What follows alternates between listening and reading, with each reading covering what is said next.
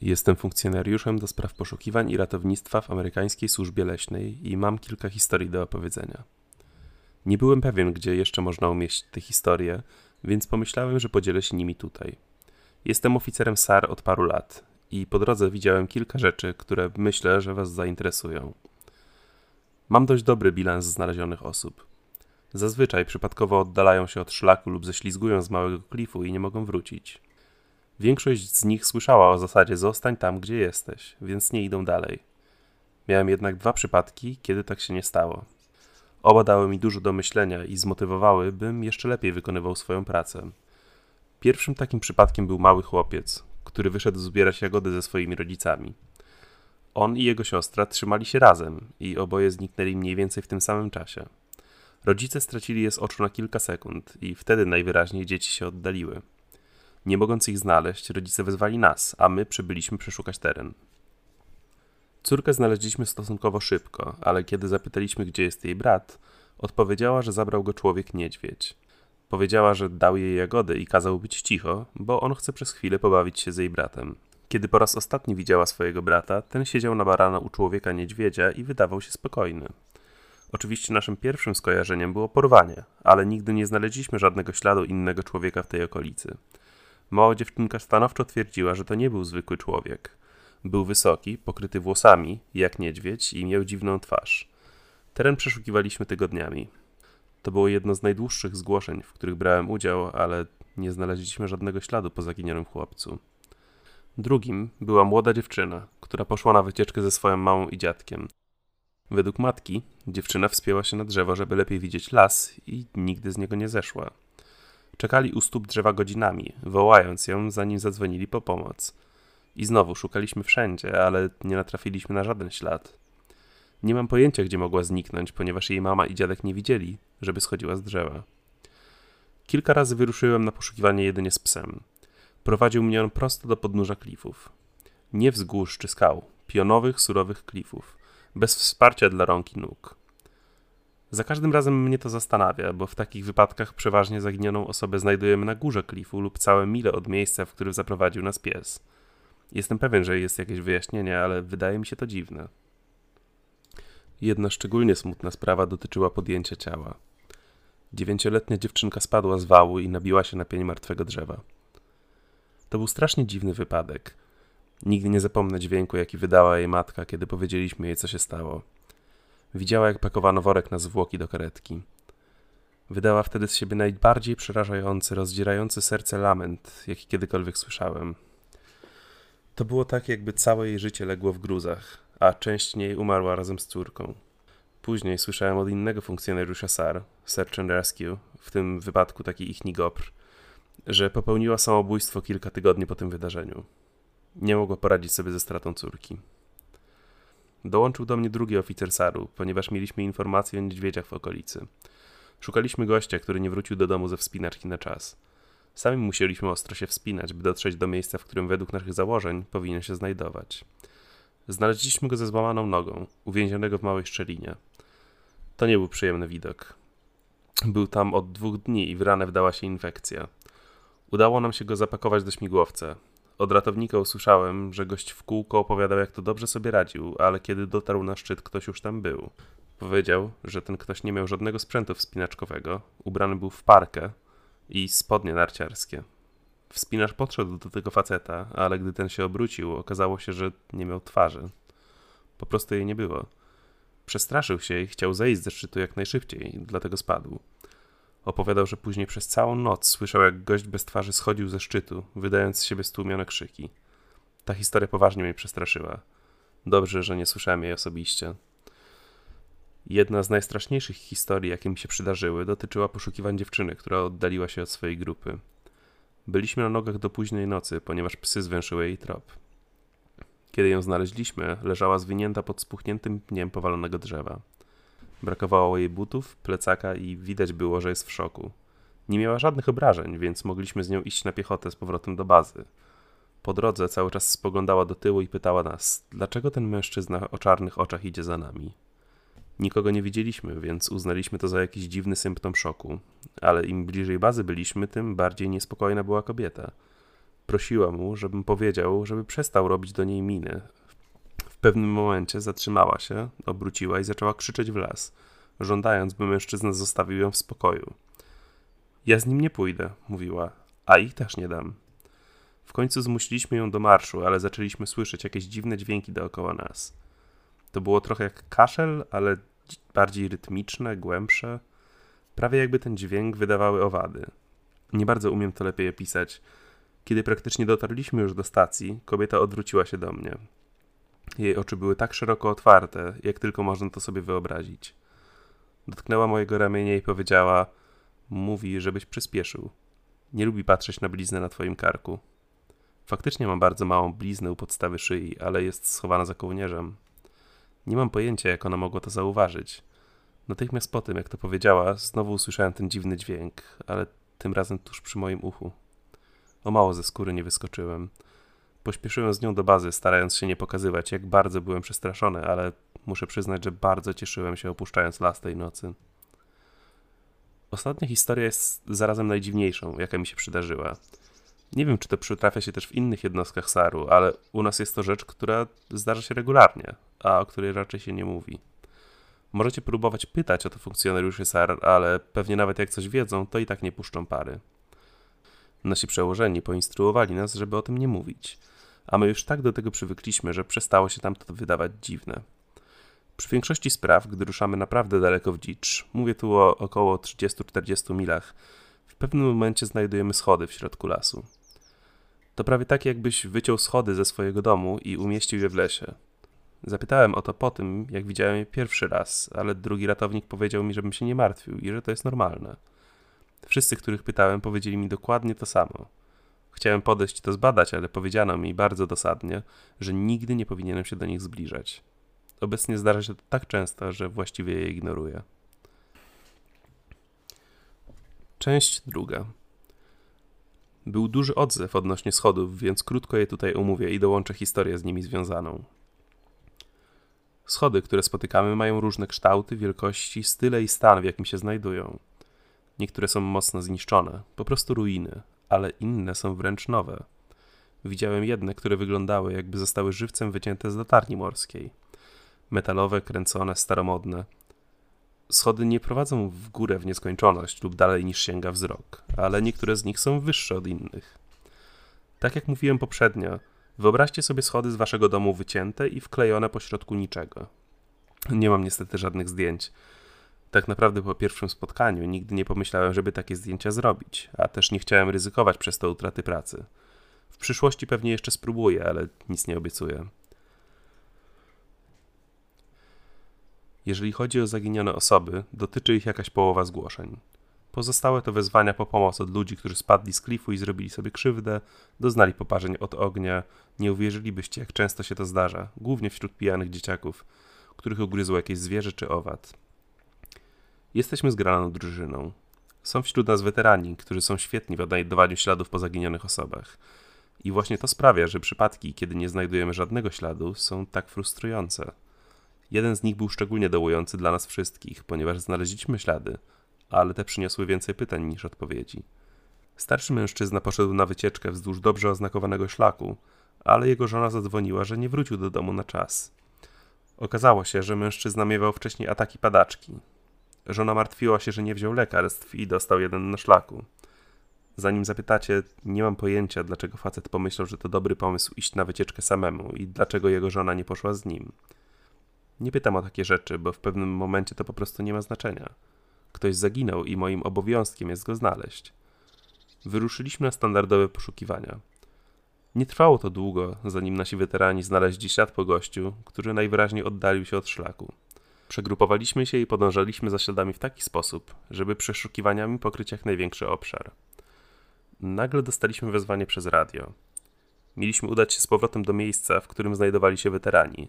Szybko ruszyliśmy tam, bo takie wyzwania zwykle oznaczają, że poszukiwana osoba jest ranna i potrzebna jest cała nasza grupa, żeby bezpiecznie dotransportować rannego do bazy.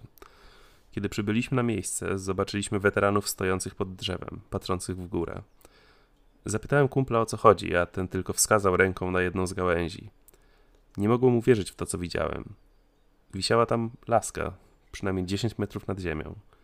Przyczepiony do rączki pasek był owinięty wokół gałęzi. Nie było szans, żeby ten gość rzucił nią tak wysoko. Nie było też po nim jakichkolwiek innych śladów. Wołaliśmy w górę drzewa, ale oczywiście nikt nie odpowiedział. Staliśmy tam wszyscy, drapiąc się po głowach. Kontynuowaliśmy poszukiwania, ale nigdy gościa nie znaleziono. Użyliśmy też psów tropiących, ale gubiły trop na długo przed tym drzewem. W końcu przeszukiwania odwołano, bo po pewnym czasie już niewiele możemy zrobić. Żona tego mężczyzny wydzwaniała do nas miesiącami, pytając, czy znaleźliśmy jej męża. To było przygnębiające słyszeć, jak za każdym razem w jej głosie było coraz mniej nadziei. Nie jestem pewien, dlaczego ten konkretny przypadek był tak dołujący. Myślę, że to może przez absurdalność całej sytuacji. To i pytania, które pozostały. Jak do cholery laska tego gościa dostała się na drzewo? Czy ktoś go zabił, a laskę powiesił jako jakieś dziwne trofeum? Zrobiliśmy wszystko, co w naszej mocy, żeby go znaleźć, ale to wyglądało, jakby ktoś z nas zadrwił. Do tej pory czasami rozmawiamy o tej akcji. Historie o zaginionych dzieciach zawsze wzbudzają najwięcej emocji. Nie ma znaczenia, w jakich okolicznościach zniknęły, to nigdy nie jest łatwe. Zawsze opłakujemy te, które znajdujemy nieżywe. Nieczęsto, ale to się zdarza. David Politz wiele mówił o dzieciach, które jednostki SAR znajdują w miejscach, w których nie powinny lub nie mogły się znaleźć. Szczerze powiem, że więcej słyszałem takich historii niż widziałem na własne oczy, ale mogę podzielić się jedną, o której dużo myślę i której byłem świadkiem. Matka z trójką dzieci wybrała się na piknik do miejsca w parku, w którym znajdowało się małe jezioro. Dzieci miały kolejno 6, 5 i 3 lata. Matka cały czas pilnowała dzieci i według niej nigdy nie spuszczała ich z oczu choćby na chwilę. Nigdy nie zauważyła nikogo innego kręcącego się w okolicy. Po pikniku spakowała ich rzeczy i wyruszyli z powrotem w stronę parkingu. Dla ścisłości, jezioro, nad którym byli, znajduje się jakieś 3 km od parkingu. Prowadzi do niego bardzo dobrze oznaczony i utrzymany szlak, więc praktycznie niemożliwością jest zgubić się po drodze, chyba że umyślnie zejdziesz ze szlaku jak imbecyl.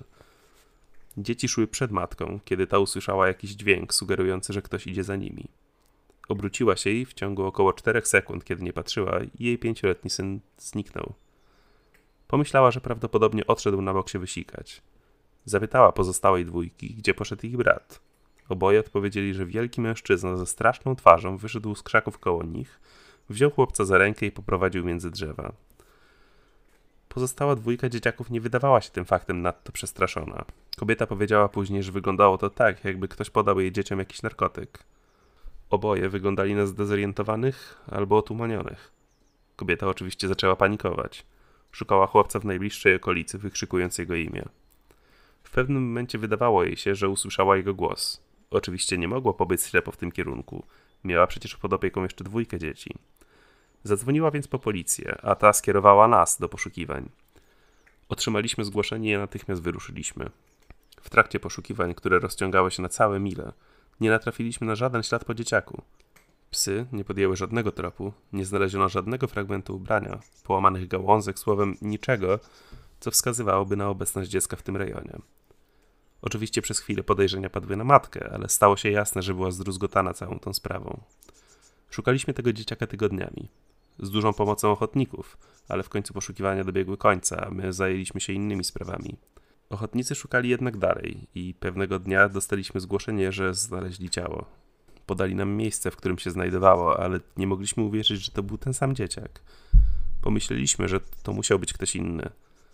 Tak czy inaczej wyruszyliśmy, jakieś 24 km od miejsca, w którym zniknął chłopiec. Na miejscu wiedzieliśmy już na pewno. To były zwłoki naszego zaginionego. Zastanawiałem się, w jaki sposób dziecko mogło dotrzeć w to miejsce, ale nic sensownego nie przychodziło mi do głowy. Ochotnik znalazł się w tym miejscu, bo pomyślał, że równie dobrze może przeszukać teren, w którym nikt wcześniej nie zaglądał, w razie gdyby ciało zostało gdzieś odwleczone i porzucone. Dotarł do podnóża stromego, skalistego zbocza. Kiedy spojrzał w górę, w połowie drogi na górę coś zauważył. Patrząc przez lornetkę, rozpoznał, że to zwłoki małego chłopca, wciśniętego w małą rozpadlinę skalną. Rozpoznał kolor koszulki chłopca i od razu domyślił się, kogo znalazł. Wyruszyliśmy natychmiast po zgłoszeniu. Prawie godzinę zajęło nam ściągnięcie ciała na dół. Kiedy to się udało, żaden z nas nie mógł wierzyć w to, co widział. Nie tylko ciało znalazło się 24 km od miejsca, w którym chłopiec zaginął, ale też nie było możliwości, żeby sam wspiął się do miejsca, w którym go znaleziono. To zbocze jest bardzo zdradliwe i nawet nam, wyposażonym w sprzęt wspinaczkowy, trudno było się tam dostać. Niesamowite było to, że dzieciak nie miał choćby jednego zadrapania. Nie miał butów, ale jego stopy nie były poranione czy brudne, więc na pewno nie zaciągnęło go tam żadne zwierzę. Zresztą, po stanie, w jakim się znajdował, mogliśmy stwierdzić, że nie był martwy tak długo, jak można się było spodziewać. Upłynął miesiąc, odkąd zniknął, a wyglądało na to, że jest martwy od jednego, góry dwóch dni. Cała ta sprawa była niesamowicie dziwna. Było to jedno z najbardziej niepokojących wezwań, na jakich byłem.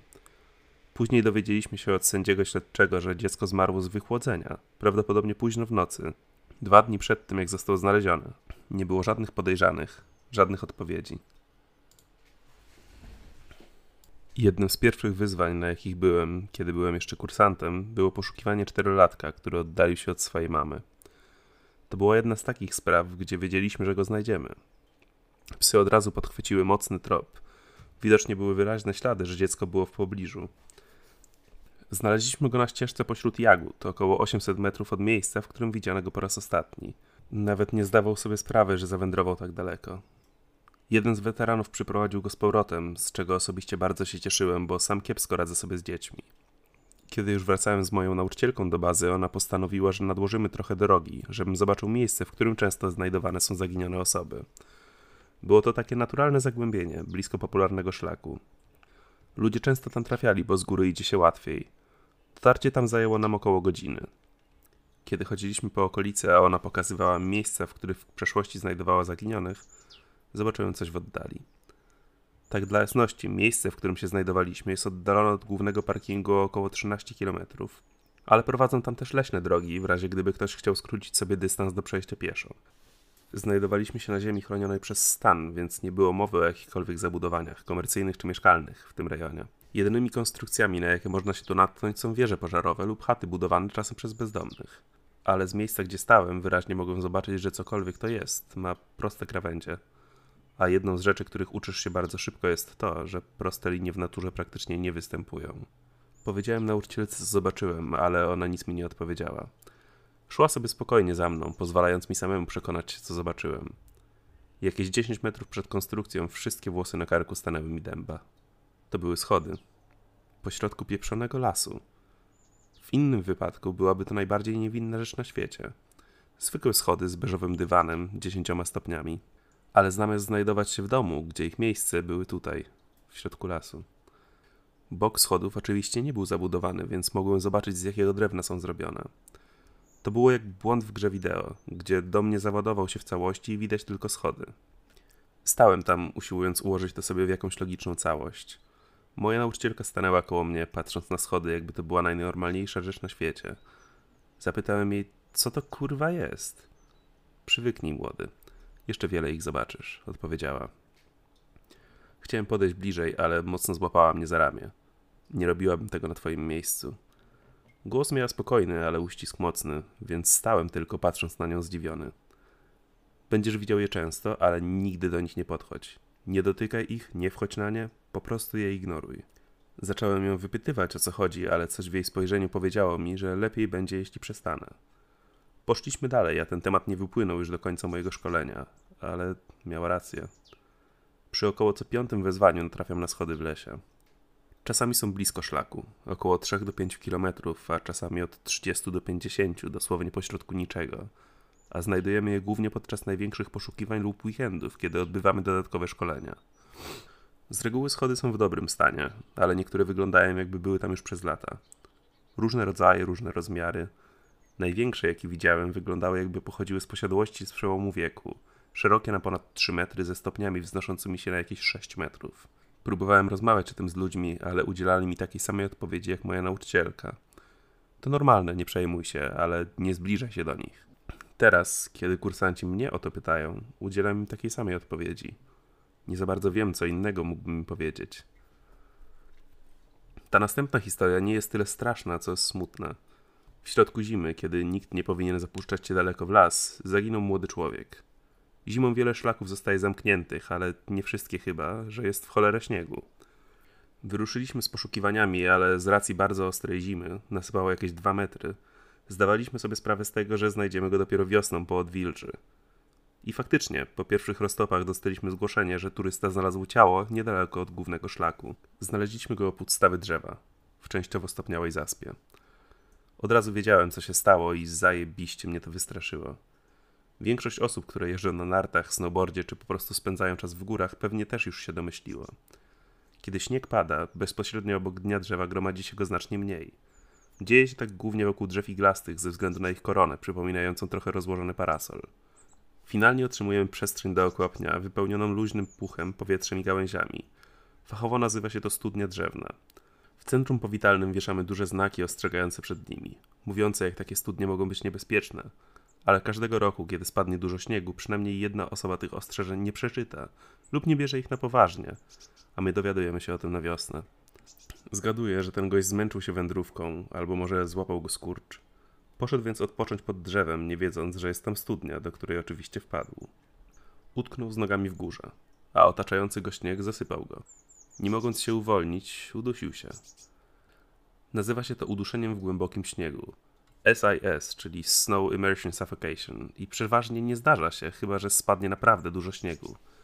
Jeżeli przytrafi się wam utknąć w dziwnej pozycji, jak temu gościowi, nawet dwa metry mogą być zabójcze.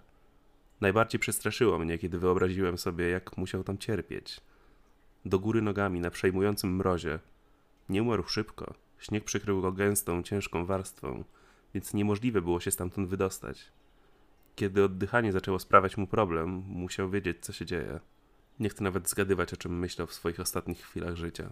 Wielu moich przyjaciół spędzających mniej czasu na powietrzu chciałoby wiedzieć, czy spotkałem już Goatmana. Postać z jakiejś urban legendy. Podobno pół człowiek, pół kozioł, dzierżący topory albo siekiery. Niestety, albo może na szczęście, nigdy nic takiego mi się nie przytrafiło.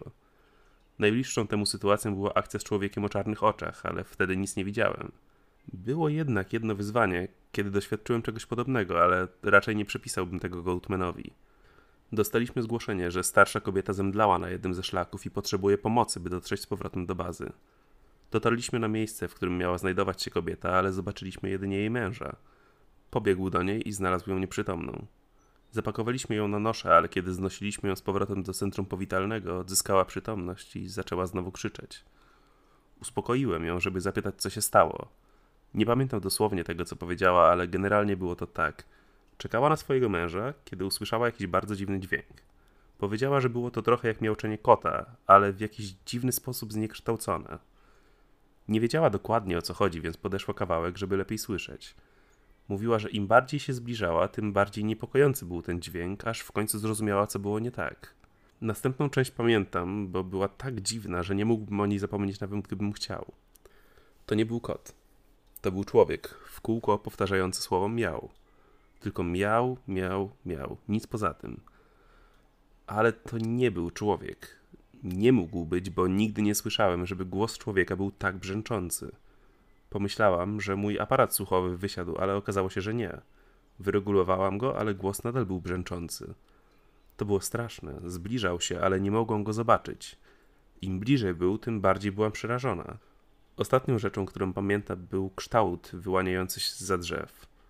Prawdopodobnie wtedy zemdlałam. Oczywiście byłem trochę skonsternowany faktem, że ktoś chodzi sobie po jebanym lesie, miałcząc do ludzi. Kiedy więc dotarliśmy na dół, powiedziałem mojemu przełożonemu, że chciałem tam wrócić, sprawdzić, czy uda mi się coś znaleźć. Dostałem pozwolenie, wziąłem radio i poszedłem z powrotem na górę, do miejsca, gdzie kobieta zemdlała. Nic nie zauważyłem, więc poszedłem jeszcze półtora kilometra dalej. Wracając, zboczyłem ze szlaku, żeby sprawdzić miejsce, z którego wydawało jej się, że coś wychodzi z lasu. W tym momencie słońce już zachodziło, a ja nie miałem najmniejszego zamiaru zostawać tu na noc. Pomyślałem więc, że wrócę tu jutro poszukać śladów. Ruszyłem w drogę powrotną, kiedy zacząłem słyszeć coś z oddali. Zatrzymałem się i krzyknąłem, aby osoba znajdująca się w pobliżu zidentyfikowała się. Odgłos nie przybliżył się ani nie stał się głośniejszy, ale brzmiał dokładnie tak, jak opisywała go kobieta.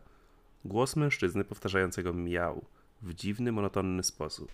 Może śmiesznie to zabrzmi, ale odgłos przypominał głos tego gościa z South Parku z elektroniczną krtanią. Neda bodajże? Zszedłem ze szlaku w kierunku, z którego myślałem, że dochodzi odgłos, ale nie zbliżyłem się do niego. To było tak, jakby dobiegał ze wszystkich kierunków. W końcu odgłos zanikł, a ja wróciłem do centrum powitalnego. Nigdy później nie dostałem informacji, żeby ktoś słyszał podobny dźwięk. Mimo, że wróciłem tam następnego dnia, też nie usłyszałem go ponownie. Być może to był jakiś dzieciak robiący sobie jaja z ludzi, ale nawet ja muszę przyznać, że było to co najmniej dziwne.